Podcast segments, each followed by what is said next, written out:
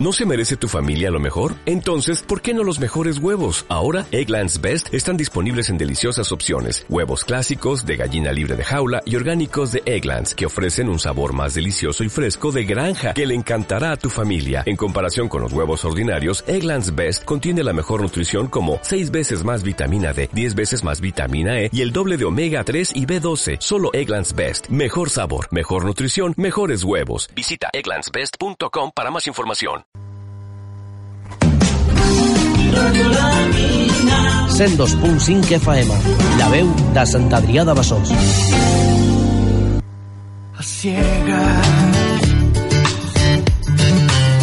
Aprende a llevar una vida sana con Jaume Cladera en Tiempo de Salud. Buen día, muy buenos días. ¿Qué tal? ¿Cómo estamos? Aquí estamos otra vez, eh, aquí en Tiempo de Salud. Saben ustedes que estamos en Radio La Mina. Tiempo de Salud lo hacemos básicamente los martes a partir más o menos de las 12. Hoy hemos pasado un poquitín por problemas técnicos, pero normalmente a partir de las 12 durante una horita estamos con todos ustedes. Como siempre lo que hacemos es hablar de temas de medicina y tenemos siempre como invitados aquí al uh, tipo médico del Camp de la Mina y deciros una cosa, que hoy estoy contento. ¿Saben por qué? Porque tengo la mesa llena de gente, llena de invitados y hoy vamos a pasar un día y un programa francamente importante. Vamos a presentar lógicamente a los a nuestros invitados. En lugar, Albert, Albert Brau, que es médico. Buenos días. Hola, buen día. Buenos días. María Rodríguez, residente de médico de familia, también buenos días. Hola, buenos días. Josep Agudo, como es normal también, nuestra alma, alma gemela aquí en el programa. Y saben ustedes que si no fuera por él, lo tendría sobre todo yo muy difícil. Josep, buen día, buen día. Buen día, buenos días, llamo a la audiencia. Y dos invitadas más, que son Mercedes Ruiz, que son residentes, enfermera de familia. Hola, buenos días. A ver, ¿otra vez? Hola, buenos días. Vale, que no, si no ha salido. Y Paula Caballero, que es estudiante de enfermería. Buenos días. Hola, buenos días. A mí me gusta que vengan estudiantes, porque creo que el futuro que nos tienen que cuidar son ellos y esto también, francamente, es muy importante. Bueno, vamos por faena. Hoy tenemos que hablar del asma. Estas semanas últimas, como ustedes saben, lo han seguido. Hemos estado hablando de problemas respiratorios, también que día hablamos de la bronquitis crónica, etcétera. Hoy toca el asma. Según dice la, el resumen que hay, eh, la, forma, la forma en que se hace, dice que el asma es el trastorno del sistema respiratorio que más personas padecen, cuidado, eh, junto con la bronquitis crónica de las personas que fuman. El asma produce dificultad para respirar, y, puede ser leve o muy grave. O sea que va, voy a pasar la pregunta a la mesa. ¿Qué es el asma?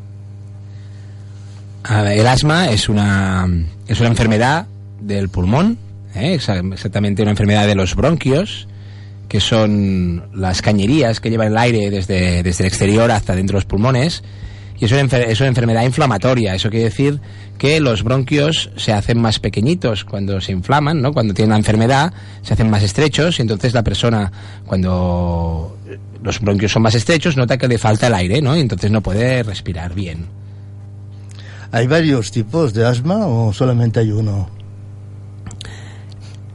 Hay varios tipos, no, hay un solo tipo de asma. Lo que pasa que se puede ser debido a muchas causas diferentes, ¿no? Entonces, normalmente el asma es una enfermedad que está relacionada con las alergias. ¿no? Es decir, eh, muchas veces hay partículas flotando en el aire que hay personas que les hacen, hacen que su cuerpo reaccione a esas partículas y eso es lo que llamamos alergia a, a, lo que sea al polvo o alergia al pelo del, del gato o al pelo del, del, perro, ¿no? Entonces, estas personas que tienen este tipo de alergias a veces lo que pasa es que tienen, eh, pueden tener asma. Cuando, cuando estas partículas están en una cantidad suficiente del aire, pues se les inflama el bronquio, entonces notan la falta de aire. Vale, doctor Bravo, antes ha comentado lógicamente de que el asma es la inflamación de los bronquios. La semana pasada estuvimos hablando de la bronquitis y también esta inflamación de los bronquios.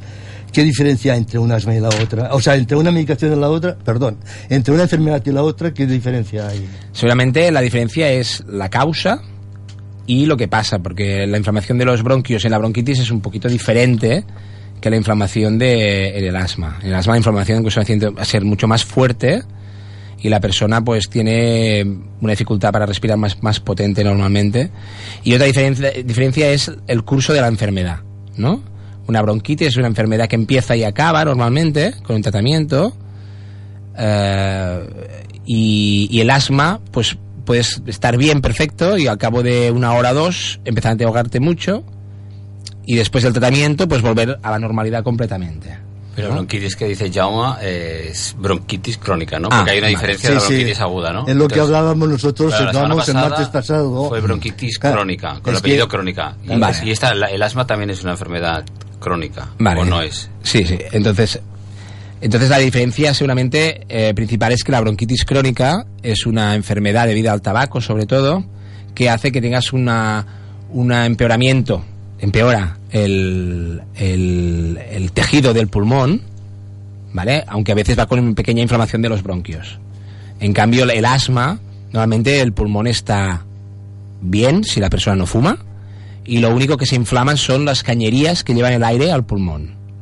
Entonces, eh, yo lo que me pregunto ahora, como neófito lógicamente en la materia, eh, usted acaba de comentar que el asma puede estar bien y a cada momento estar mal. ¿A qué se debe esto? Se debe porque como la, la causa puede ser los, las partículas del aire, ya sea el polvo, por ejemplo, si una persona que, que tiene alergia al polvo o tiene asma y ah, se va a un sitio donde hay mucho polvo, pues puede estar de estar bien perfecto a empezar a estar mal cuando está en un sitio donde hay mucho polvo. Claro, Porque hay la alergia, ¿no? Exacto, Está porque confundido por está la la alergia. alergia. Claro. Es, es que, claro, muchas veces hay cosas que ustedes se entienden muy bien, pero los que no somos neófitos, esto no nos aclaramos mucho. Eh, hay, hay épocas también en el cual el asma se pronuncia más, se padece más que otras. Bueno, el asma puede aparecer en cualquier momento del año, pero sí que es verdad que suelen su- estas personas suelen estar peor en primavera y en otoño, porque es cuando los cambios de polen en el aire y cuando cambia el tiempo, pues eh, estas partículas que comentaba el doctor Brau están en más cantidad en el, en el aire que respiramos y eso les provoca más reacción en los bronquios a las personas con asma. El, el asma, eh, a mí me gusta antes de hacer los programas, lógicamente, ya sabes, Josep, intentar por internet o por donde sea, pues coger un poquitín de referencia, ¿no? Lo menos para que la gente nos escuche piense, este tío de qué habla, si no sabe de qué habla. No, no sé mucho de qué hablo, pero al- algo sí. Eh, se comenta eh, de que lo parecen más los niños que las niñas.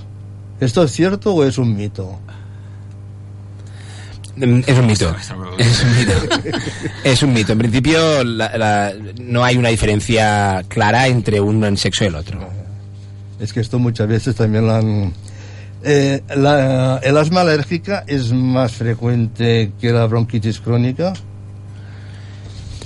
Eh, eh, tendríamos que mirar bien las, los datos para decirlo exactamente. Ahora mismo no te lo sabría decir. Lo que es que es verdad es que el asma es una enfermedad, el- la bronquitis crónica, cuando hablamos de bronquitis crónica estamos hablando de una enfermedad debido al tabaco y de personas que llevan muchos años fumando.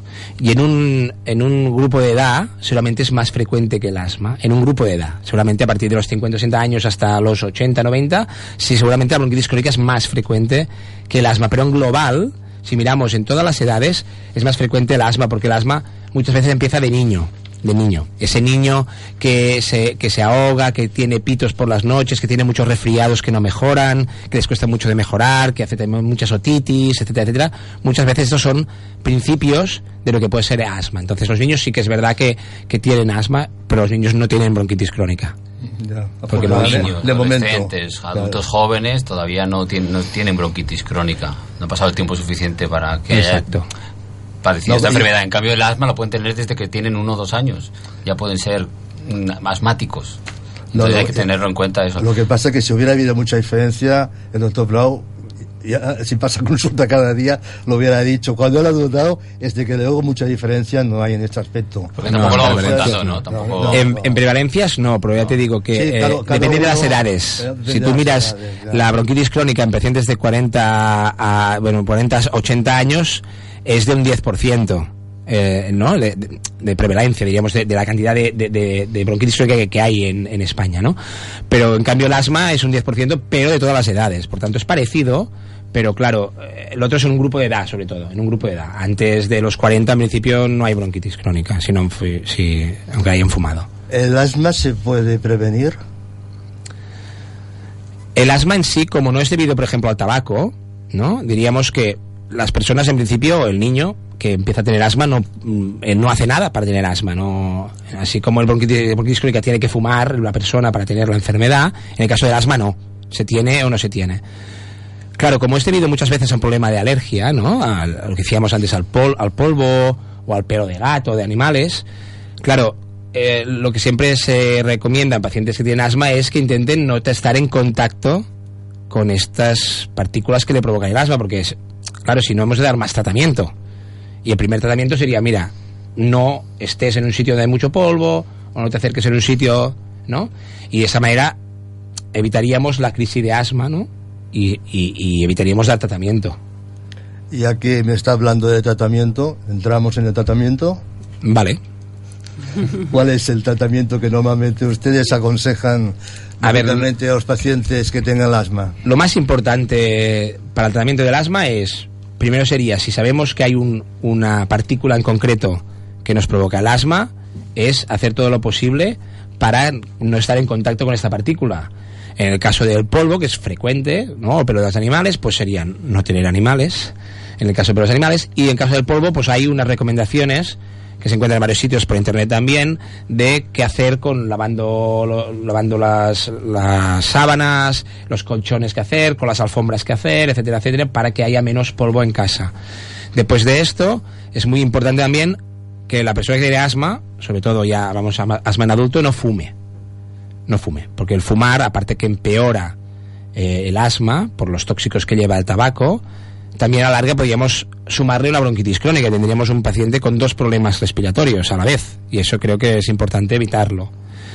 Una vez hemos hecho esto, que son tratamientos que no son con fármacos, entonces entraríamos a los fármacos que normalmente el fármaco estrella del tratamiento del asma son los antiinflamatorios. Hemos dicho que era una enfermedad inflamatoria de los bronquios por tanto, hemos de dar un antiinflamatorio que en este caso se toma en sprays.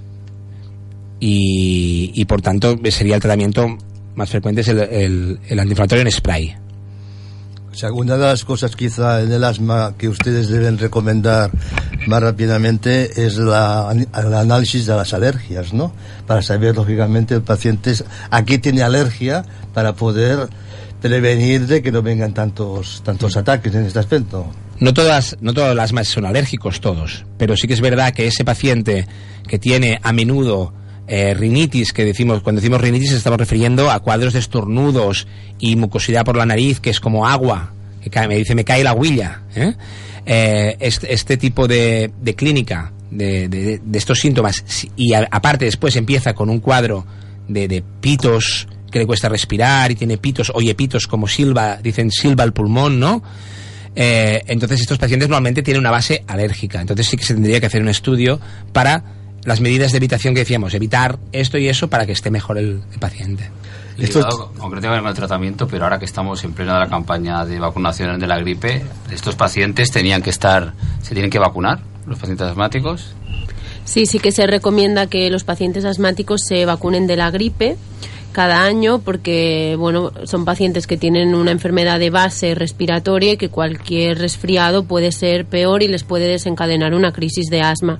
Entonces siempre les recomendamos que se vacunen de la gripe y luego también de la vacuna del neumococo que se tendrían que vacunar pues con dos dosis separadas por cinco años o si son mayores de 60 años con una única dosis y es suficiente.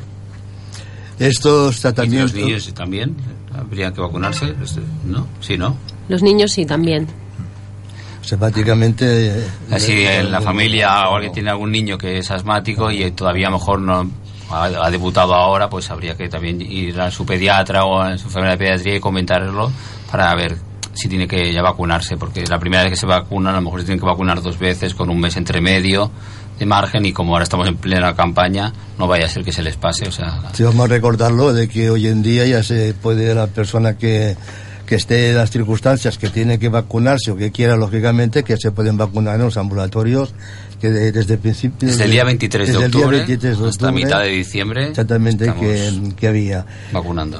Los tratamientos estos se tienen que hacer durante todo el año. Bueno, dentro. A ver, esto depende, Jaume. Dentro de lo, del, del asma hay diferentes grados de asma.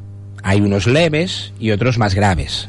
Los pacientes que son de un grado leve, pues a veces solo tienen que hacer tratamiento en unas algunas épocas del año o cuando se resfrían o lo que sea, que es cuando el pulmón a veces les notan un poquito de ahogo, ¿no? Cuando ya los grados de asma son más importantes, a veces necesitan tomar tratamiento cada día. Cada día, claro, depende lógicamente cada uno del estado en que está. Pero hemos de tener en cuenta, Jaume, que normalmente el paciente que tiene asma, déjame que lo diga, es un paciente normalmente eh, se trata un poco menos de lo que le toca, ¿eh? Por eso. ¿Ah, sí? Sí, y es un tema que creo que los, los, los que nos están oyendo, ¿no? Si, si tienen asma, creo que es importante que vayan a ver al médico de vez en cuando, porque normalmente tienden a darle menos importancia a, sus, a su ahogo de lo que realmente a veces les pasa y a veces tienen que ir corriendo al hospital bastante mal, porque normalmente, normalmente con su Ventolin, que lo, seguro que lo conocen muy bien, eh, los asmáticos, pues a veces con el Ventolin van tirando los resfriados y tal y tal, pero a veces con eso no es suficiente. O sea que no son muy buenos enfermos, ¿eh? Digamos así, No, no, buenos enfermos no. Lo que pasa que a veces, bueno, las personas como quieren estar bien, pues a veces, eh, ¿no? Si dices, bueno, va, no, no con, con esto voy, con el, con el Ventolin voy a tener suficiente, como otras veces y tal, ¿no? Y si ven que no, que vayan al médico porque... Claro, porque padecer esta enfermedad, ser asmático, te permite hacer la vida diaria normal, ¿no? Claro. Puedes practicar deporte. A lo mejor tendrás que llevar contigo el Ventolin Sí. o, o el otro. Yo sé, spray esto es muy importante este punto porque a veces las personas con asma se piensan que quizá no pueden hacer deporte porque cuando están haciendo deporte les viene muchas veces el asma también, ¿no? Eh, en principio los pacientes con asma pueden hacer cualquier pueden hacer vida normal y de hecho tendrían que hacer vida normal con el tratamiento si lo necesitan, pero con el tratamiento tienen que hacer vida normal. En el momento en que un paciente asmático no hace no puede hacer vida normal, es cuando tiene que venir a, vernos- a ver al médico para que ah, para que retoquemos el tratamiento si es necesario o veamos por dónde puede estar el problema por el cual no puede hacer vida normal. Hay que ver la evolución, lógicamente, que va teniendo cada paciente en cada momento en ese aspecto. Sí, claro, pasa que a veces los vemos poco, los pacientes Ya. asmáticos en la Ya. consulta. Eh, si os parece, hacemos un pequeño descanso para poder respirar bien, ¿no?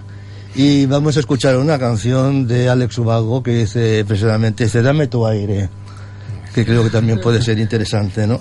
Sí.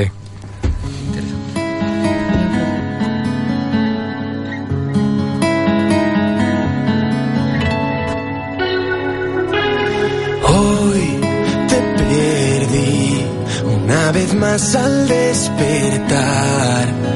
Si soñara la realidad y viviera lo que se fue, mi humor, míralo, pintando un cuadro sin color. Puedo ver un paisaje gris que refleja mi interior. Y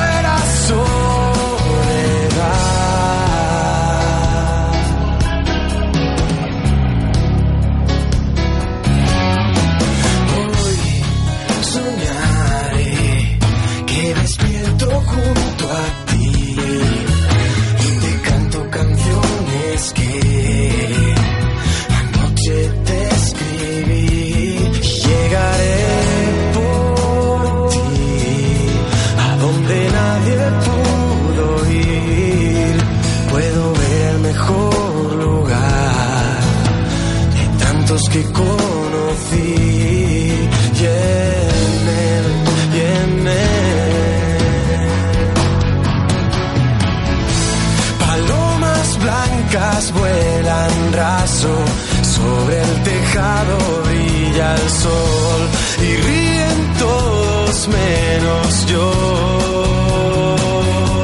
Que ahora soy un reo más pidiendo a gritos la verdad. Vida eres tú y si te vas vendrá la oscuridad. Dame tu aire un día más para que pueda respirar. Que un rayo de luz me haga brillar. Que muera soledad.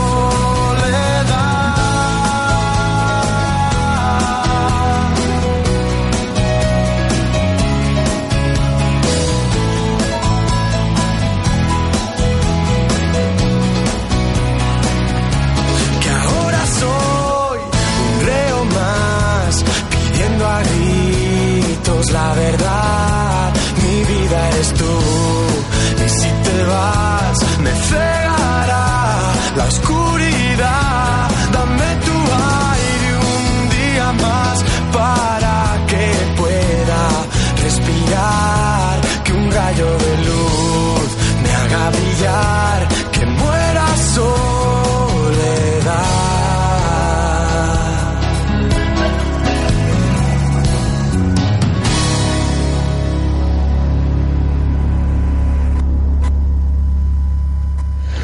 Bien, pues Alex Ubago ya nos ha, nos ha cantado lógicamente la canción y seguimos nosotros con el programa también de asma con el equipo médico del CAP de la Mina. Hemos acabado, lógicamente, hablando un poquitín de tratamiento. Yo creo que es un punto muy importante porque ellos mismos lo han puesto sobre la mesa, ¿no? Uno de los tratamientos son los sprays o aerosoles y creo que en esto mm, me gustaría, lógicamente, que profundizaran un poco más. A ver si puedes profundizar un poco más porque yo sé que muchas veces lo hemos comentado con, con vosotros de que a veces es un poquitín complicado el utilizarlo, ¿no? Bueno, yo creo que la gente piensa que es más fácil de lo que verdaderamente es. Exactamente. Y por eso ahí está el problema. Ahí está el Hay problema. veces que lo utilizan como si fuera un spray, un aerosol normal, ¿no? Que, Lo que y- sería interesante que explicar es de nuevo otra vez cómo se tiene que utilizar. A ver, em, diríamos de entrada que hay eh, un, un problema que hay, o pues un problema según como lo mires, llama. Eh, hay muchos tipos diferentes de inhaladores, llamamos sprays, llamamos inhaladores, pues hay muchos tipos diferentes. Entonces esto es una ventaja porque podríamos decir que podemos encontrar el inhalador que le va mejor a cada persona, que le guste más, y puede ser un inconveniente porque cada uno se utiliza diferente y por tanto, pues bueno, eh, no todos van igual. De entrada, eh, empezaríamos por un grupito ah, de, de- de sprays, de inhaladores, se llaman es- los sprays como el Ventolin, por ejemplo, que solamente es de los más conocidos. Este tipo de spray, que hay varios, con varios medicamentos, pero el mismo sistema, este es importante que la gente sepa que tiene que hacerlo con una cámara, que llamamos nosotros. No se puede hacer directamente a la boca, que es lo que hace muchísima gente.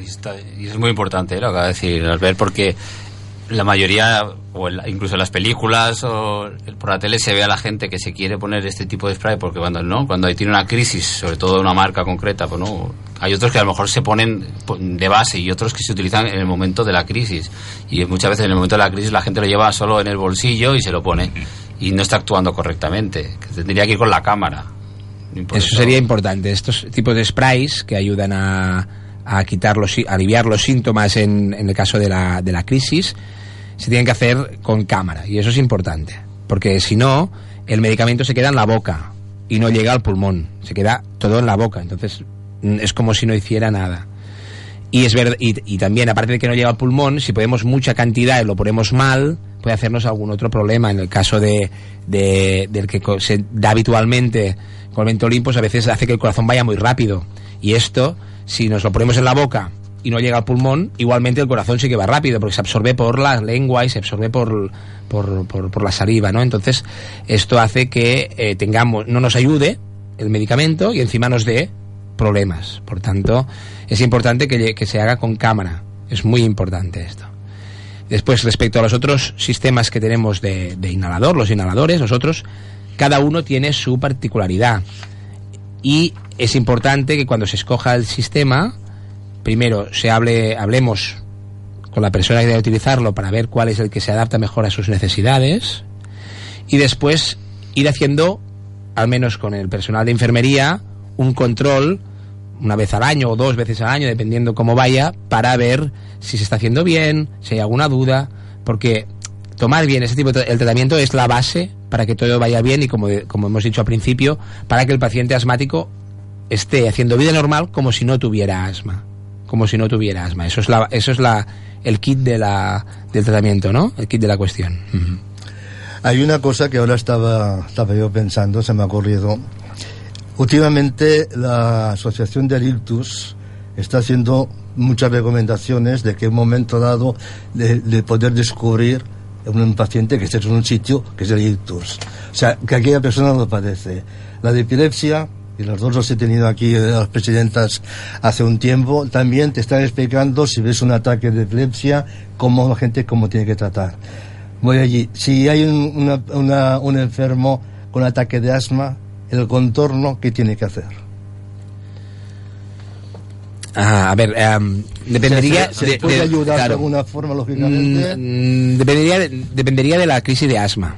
Claro, una crisis de asma que no sea grave, en principio la persona va a un centro sanitario y, y allí le ponen tratamiento, le ponen oxígeno, le ponen medicación para ver si así se supera esa crisis.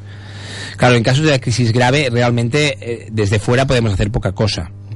Digamos, como máximo reconocerla y si vemos que la persona está muy mal, pues llamar rápidamente a alguien que pueda, que pueda hacer alguna cosa.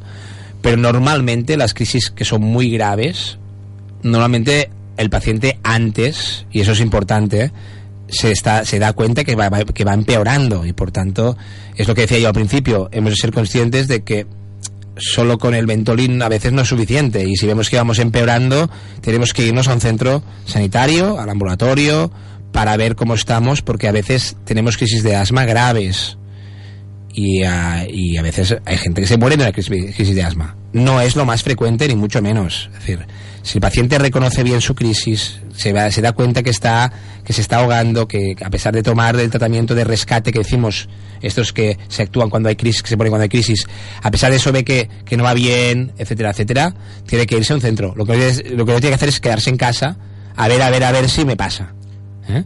Es súper importante porque si no Sí, se sí, actúa claro, claro, cuando claro, toca, o sea, si se va dejando, No, es que- pues la, la gravedad va en aumento. Es que por esto, porque no sé si fue ayer que también leía lo de que lo están machacando los ictus, lógicamente, y los de la iglesia, y ahora se han acordado, porque, por ejemplo, Ya, pero- eh, puede, el persona el- puede hacer una vida normal, pero si entra, está, está haciendo un deporte, están andando, cualquier cosa, y le entra un ataque de asma porque pasa por algún sitio que es alérgico, lo digo porque al contorno, que sepa si puede hacer algo. En aquel momento, Claro, pero- ¿vale? por lo que veo que el doctor lo está comentando, lo único es parar y avisar, avisar, digamos, a un centro sanitario o si se puede coger al paciente y llevarlo. Claro. Claro. Eh, Sí. Es esto, ¿no? Sí, sí, sí, no, no podemos hacer ni much- mucha cosa más. En cambio, lo otro que comentabas, lo del ictus, es que es de vital importancia eso. de- Ahí está. Porque el- un- unos minutos ahí sí que Ahí nos va a poder... el- Me preguntaba más que nada por el contorno, ¿no? Porque vas a- y, y te encuentras con esto y dices, bueno, ¿qué haces con esto, no? Bueno, diríamos el contorno. El contorno lo máximo que puede hacer es si encuentra una persona que tiene, que puede tener una crisis de asma, es decir, una persona que se está ahogando y- y se le oye pitos, ¿no? Que, que silba, se, no- se pueden oír incluso desde fuera, ¿eh? Los- como pita el pulmón. Eh, y, y- fue una persona que conoce, eh, también lo conoce y eso, pues darle, si tiene algún spray, empezarle a darle spray allí. Pero vaya, pero básicamente, eso sería en el momento en que... acompañarle al centro de salud. Pero o básicamente eso. sería ir a un centro de salud. No es como otro. A un centro de salud. Sí, sí. Pero claro, si está haciendo ejercicio con, no sé, está corriendo, andando Mm. Con otras personas y de golpe le, le parece y dice, bueno, ¿qué hacemos aquí? Sí, no? sí, no, tendría que ir a un centro de salud. es es orientarlo y decir, bueno, pues, estás aún bien, pues no sé, pues una, un taxi, un coche, para tapar al centro de salud más cercano para que le puedan también. Pero también, como comentaba Albert antes, estos pacientes a lo mejor ya han tenido, se conocen mucho su Sí, enfermedad, claro, ¿no? ya, ya. Y entonces a lo mejor no ha sido tan grave y, y por eso que a veces piensan que no es tan grave y lo van postergando a ver si así remite, pero si ven que no remite, pero ellos se conocen, en cambio lo que contamos del ictus pues te dan ese momento y no te ha dado nunca, no, no- has tenido una situación previa con esto, ¿sabes? Eh, En cambio lo otro sí que has tenido situaciones que, que te has ahogado, que has necesitado esa ayuda y entonces ya sabes cómo... Sí, Sí, es más fácil de reconocer, esto- ¿no? Esto juega a veces en contra un poco, porque fíjate que, que mm, antes comentaba, mm, comentábamos que no vemos eh, muchos pacientes asmáticos en las consultas por problemas de asma. Y seguramente estos pacientes, en- hay estudios que nos dicen que el paciente asmático normalmente está mal controlado. Es decir, es- el control de su enfermedad no es, no es bueno. Pero bueno, pero van, van, van haciendo. ¿no? Una característica del paciente respiratorio es que si yo tengo que ir a un sitio y me ahogo, por ejemplo subiendo escaleras, pues cojo el ascensor. Entonces no me ahogo. Y por tanto normali- normaliza mucho su ahogo y normaliza mucho los síntomas. Y eso es importante que tengan los pacientes en cuenta, porque hay pacientes asmáticos y estos estudios que no, no están bien, pero no van a, a- a ningún sitio. No van al médico, ni a la enfermera, sabe que están mal, ni, ni urgencias, tratamiento porque no... sino que bueno, van tirando, más o menos, van bien más o menos, y van tirando. Y claro, ahí yo creo que podemos hacer algo más, los, lo- el personal sanitario, la- el personal de enfermería viendo que esté tomando bien los inhaladores, porque a veces es un, es un inhalador que no lo está tomando bien, y por tanto no le hace el efecto que tendría que hacer. A veces corrigiendo esto, el paciente está mejor ya. Eso es ¿no? súper importante, lo que dice Alberto. Sí, sí que es importante, Porque sí, ¿eh? mm, es eso que aquí no podemos ahora explicarlo, la técnica, porque no es gráfico, ¿no? Y habría que ver a cada paciente, porque depende del tratamiento que haga, el, el inhalador que utilice, pues lo que como decía Alberto antes, será, es un- de una manera o es de otra, como hay que utilizarlo. Entonces hay que individualizar aquí muchísimo el, el ca- cada caso, ¿no? Y hay personas que se lo tienes que explicar de una manera y otra a lo mejor tienes que explicárselo varias maneras y de, o varias veces de formas diferentes para que acabe haciéndolo bien y que tú veas que, la- que te ha entendido y que lo hace bien. Porque si no, porque puedes preguntar a alguien que lo hace bien y él piensa que lo está haciendo bien y te dice sí. Sí, bueno, como Entonces ya, vale, ya está, ya ha hecho la intervención. No, no es eso, es ver que verdaderamente esté tomándoselo bien el medicamento. Porque claro, es una enfermedad que a lo mejor lleva mucho tiempo con inhaladores y piensan que lo han estado haciendo. ¿Cómo no lo voy a hacer bien? Si insistimos es porque hay estudios que demuestran que no se está haciendo bien. ¿Vale? Y- No, la, ahora- y la experiencia también que tenéis vosotros, lógicamente. Claro, si no se hace las bien en esto- y entonces, si lo haces bien, sí, a ver cómo lo haces. Y, y entonces ya se ve, ¿no? Por eso eso que, que vengan a las personas o si tienen algún familiar y tal que está tomando inhaladores, pues eso que va, si no lo hacen, pues que alguna vez pidan hora con su enfermera y entonces para hacer un repaso de cómo se hace, porque hay algunos pacientes que sigan viniendo y hay otros que a lo mejor como dice Albert, ¿no? van, van tirando y entonces van siguiendo su curso de su enfermedad, pero no lo están mm, llevándola bien, o sea, no están cumpliendo el tratamiento y entonces no es efectivo, entonces aún se van a ahogar más. Esto... Como siempre hablamos aquí en Tiempo de Salud, nosotros hacemos unos programas orientativos, pero a nivel general. Y lo que también muchas veces es- pretendemos, pues de que las personas, lógicamente, que están escuchando la- el programa, se les suene y decir, bueno, me han dicho esto, pero esto no me ha quedado muy claro. Pues estas personas, lógicamente, por favor, consultarlo. ¿eh? Consultarlo. Ahora hay un motivo más que son los con y todo esto, ¿no? Porque si en la consulta veis pues que hay gente que no está sacando rendimiento porque no utiliza bien, pues yo veo que es muy interesante que poco a poco pues seáis para la enfermería o por el médico, decir, oye, yo lo hago así, lo hago bien, sí, estupendo. No, que no lo haces bien o esto, o que no pueda haber, por ejemplo, algún inhalador que se presente de una forma y aquel y y tenga que cambiar a otro que se presenta quizá de otra forma, que hay cámara o etcétera, que le sea más cómodo, más fácil de, de- de hacerlo allí ya. Yo, yo Pero- diría, llama al, al paciente asmático que no se conforme con su, con su ahogo. Que no se conforme. El paciente asmático tiene que estar bien cuando no tiene crisis. Tiene que estar bien. Perfecto. ¿Vale? Esa es la diferencia de la bronquitis crónica, por ejemplo. ¿Eh? El, asma es una enfermedad cursa por episodios de crisis, ¿no? Entonces, solo los casos más graves, y aquí no entraremos en los más graves porque son los menos frecuentes, son los que, a, pe- a pesar de muchos tratamientos, a veces no están bien, es verdad, pero son los más graves. La mayoría de casos son personas que tienen un asma moderada o leve. Estos, pa- estos pacientes tienen que estar perfectos. Y por tanto, que no se conformen con el ahogo que tienen. Si tienen ahogo, a pesar que sea poquito, en situaciones que no deberían tenerlo, tienen que venir a consultar. Porque a veces es simplemente mirar cómo se hace el inhalador. O a veces es retocar un poquito el tratamiento. Pero que no vayan tirando, que no se conformen, que se rebelen contra su ahogo. Y es que una de las cosas que creo interesante es de que estos pacientes que están más o menos controlados, pues de que con, un, con unos consejos que pueda haber, no puedan llegar al final de estos que son graves, que son graves. Claro, porque Hacer una prevención de decir, bueno, estoy aquí y me quedo en este aspecto de la enfermedad que no evolucione más. Claro, porque la- el peligro seguramente está en que un paciente que lleva mucho tiempo, que no acaba de estar fino y que va, se va, va tirando con, el con, el con los medicamentos, con los sprays, va tirando, pero no acaba de mejorar y tal, a veces estos nos pueden hacer alguna crisis grave de asma. Y entonces eso es importante, detectarlo y actuar, ¿no? Y hacer algo para que cambie esta situación. Los niños pequeños que son asmáticos, en la edad adulta también siguen siéndolo. Hay una hay una leyenda, bueno, leyenda no sé, pero hay una se dice, ¿no? Que cambio- se cuenta por ahí, El cambio- barrio. Lo dicen en- por los, por los WhatsApps, no, a ver, bromas aparte. Eh, se dice que a veces hay, hay niños que tienen asma y cuando llegan a la adolescencia dejan de tener asma. Eso sí que se dice. Eso no es exactamente así. La persona que tiene asma está bien diagnosticado de asma, en principio es asmático toda la vida. Y esto lo vemos, eh, lo- los pediatras, en ese sentido, pueden eh, pensar que el niño cuando hace el cambio, tiene 12, 13 años, le- la, la enfermedad casi pues a- des- parece que desaparece, pero nosotros nos encontramos con los pacientes adultos, nos encontramos pacientes que llevan 20 años sin crisis, o 25 o 30 sin crisis, y de golpe hacen una crisis. Entonces preguntas a este, a, esta- a esta- este paciente, ¿y usted tenía, de pequeño tenía bronquitis o tenía muchas inflamaciones, o tenía asma? Sí, sí, yo de pequeño tenía asma, pero desde los 16 hasta ahora, después de 40 años o 30 años, no he tenido ninguna. Por tanto, podríamos decir que el asma es una, eh, es una enfermedad que se tiene siempre. Lo que pasa es que puede tener más o menos actividad y puede estar muchos años sin actividad. Puede ser así, sí. Pero bueno, mm, la persona tiene que saber que, no, que realmente no se cura del asma.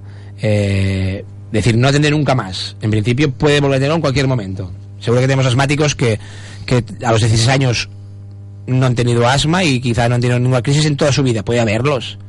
Pero, es- pero la mayoría acaban teniendo alguna más adelante.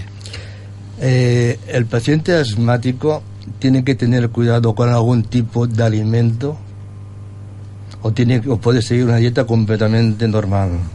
En principio normal. En principio Normal. Es que bueno, ese paciente Sí. que a lo mejor ya tiene, si tiene alergia a algún Claro, si a tiene- algo, ¿no? Que es lo que le va a, reac- a provocar luego este asma, pues a lo mejor cuando se hace las pruebas de alergia, a lo mejor se puede mirar y coincide que a lo mejor también tiene más puntos para tener otras alergias, entonces habrá que mirarlo, pero no de por sí no, no, no tiene por qué. No tiene por qué, no.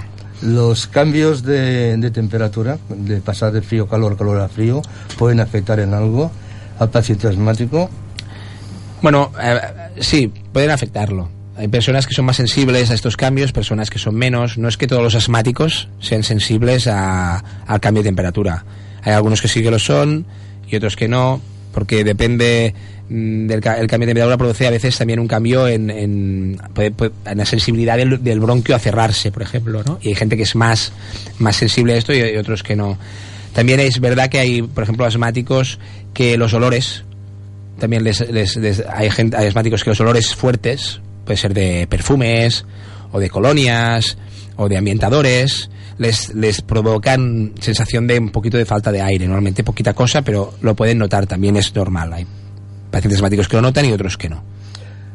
La, la paciente mujer que esté embarazada y sea asmática tiene que tener algún, alguna cuestión especial de tratamiento.